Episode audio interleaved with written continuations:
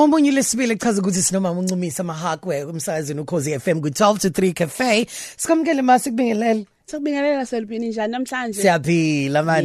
Ngesonto elidlule ma sakhuluma ngokuthi eh zikhona izinsiza ama braces ama wheelchair ukuthi umuntu kwi rehabilitation process yakhe singachaza ngokuthi eh ebangeni noma ohambeni lokuthi aye ngokuya lulame ajwayele ukuphila ne stroke zikhona izinto eziba khona zokumsiza ahambe ajwayele enze izinto ezibalekile ukuthi azenze njengomuntu namhlanje sithini Eh namhlanje siya ngingathanda kwi kwi government yethu more special all the departments. I'm not going to talk about the department of health yedwa because department of health yethu ayo yakhe yedwa le part. Oh. Njengoba sisuka from empangeni mina we don't have any government uh, institution esizana nalaba sebene stroke where abazothola khona ukuthi bahamba ama groups. Umuntu abone ukuthi i'm not the only one mm. osafarisha nalento because kulula ubone ukuthi oh nobani oh nobani and how do you cope? Uyabona?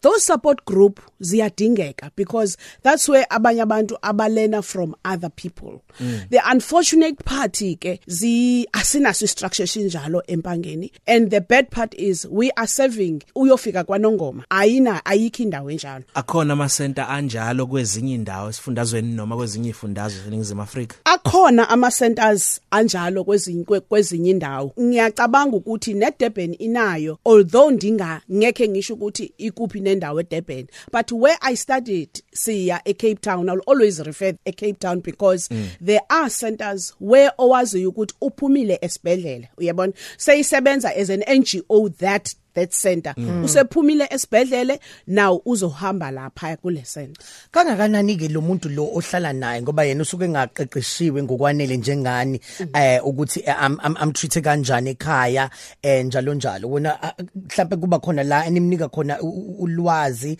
nimtraine ukuthi kumele amphathe kanjena ekhaya. Phela i mean ngeke azafani nani? Yes, yes yeah. of course. Njalo uma kukhulunywa ngegroup eh, SLB ufanele ukuthi sina into ukuthi sibi ukubiza laba basizayo ukuthi umsiza kanjani ngoba vele yena akazukwazi uzisiza alone.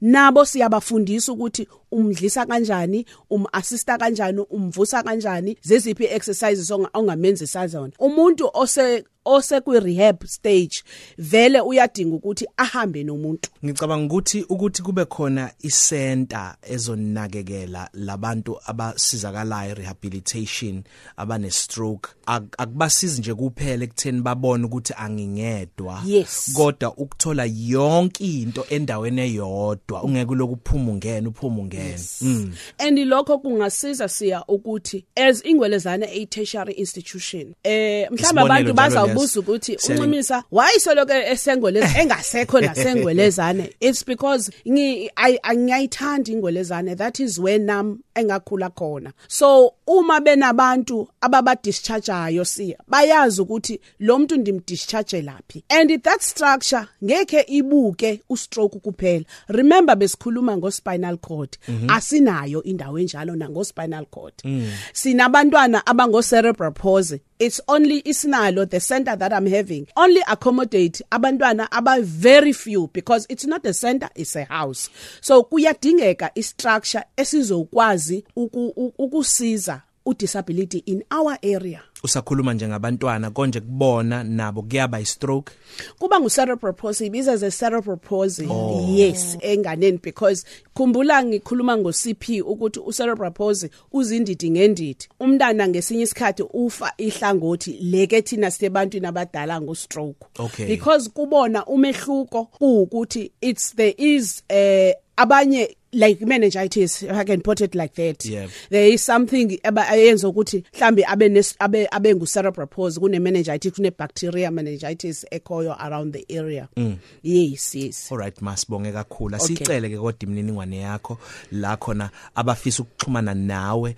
Nje mhlawumbe uthola ukuthi abekho ngisho nakwaZulu Natal ke kodwa bafuna ukuthi ubasize ukuba guide ukuthi la bekhona bangasizakala kanjani kwamanye ama occupational therapist angabasiza ezintweni ezithinta stroke nezinye izinto esike sazikhuluma ngazo ngokwedlule?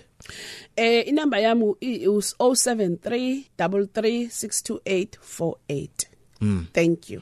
Incingo noma ama SMS owamukelayo? Ngiyacela kumphakathi ukuthi incingo at least sithi masifuna ubuza sibuze around 5 o'clock. Ngingabuzwa ngo 8 na ngo 6 ekseni oh no. nasebusuku sulele nasebusuku. I don't mind to share information uma ubuza ufuna ukubuza ukuthi kuhamba kanjani. Thank you. Mamncumisa mahaga sibonge kakhulu. Siyabonga kakhulu siya.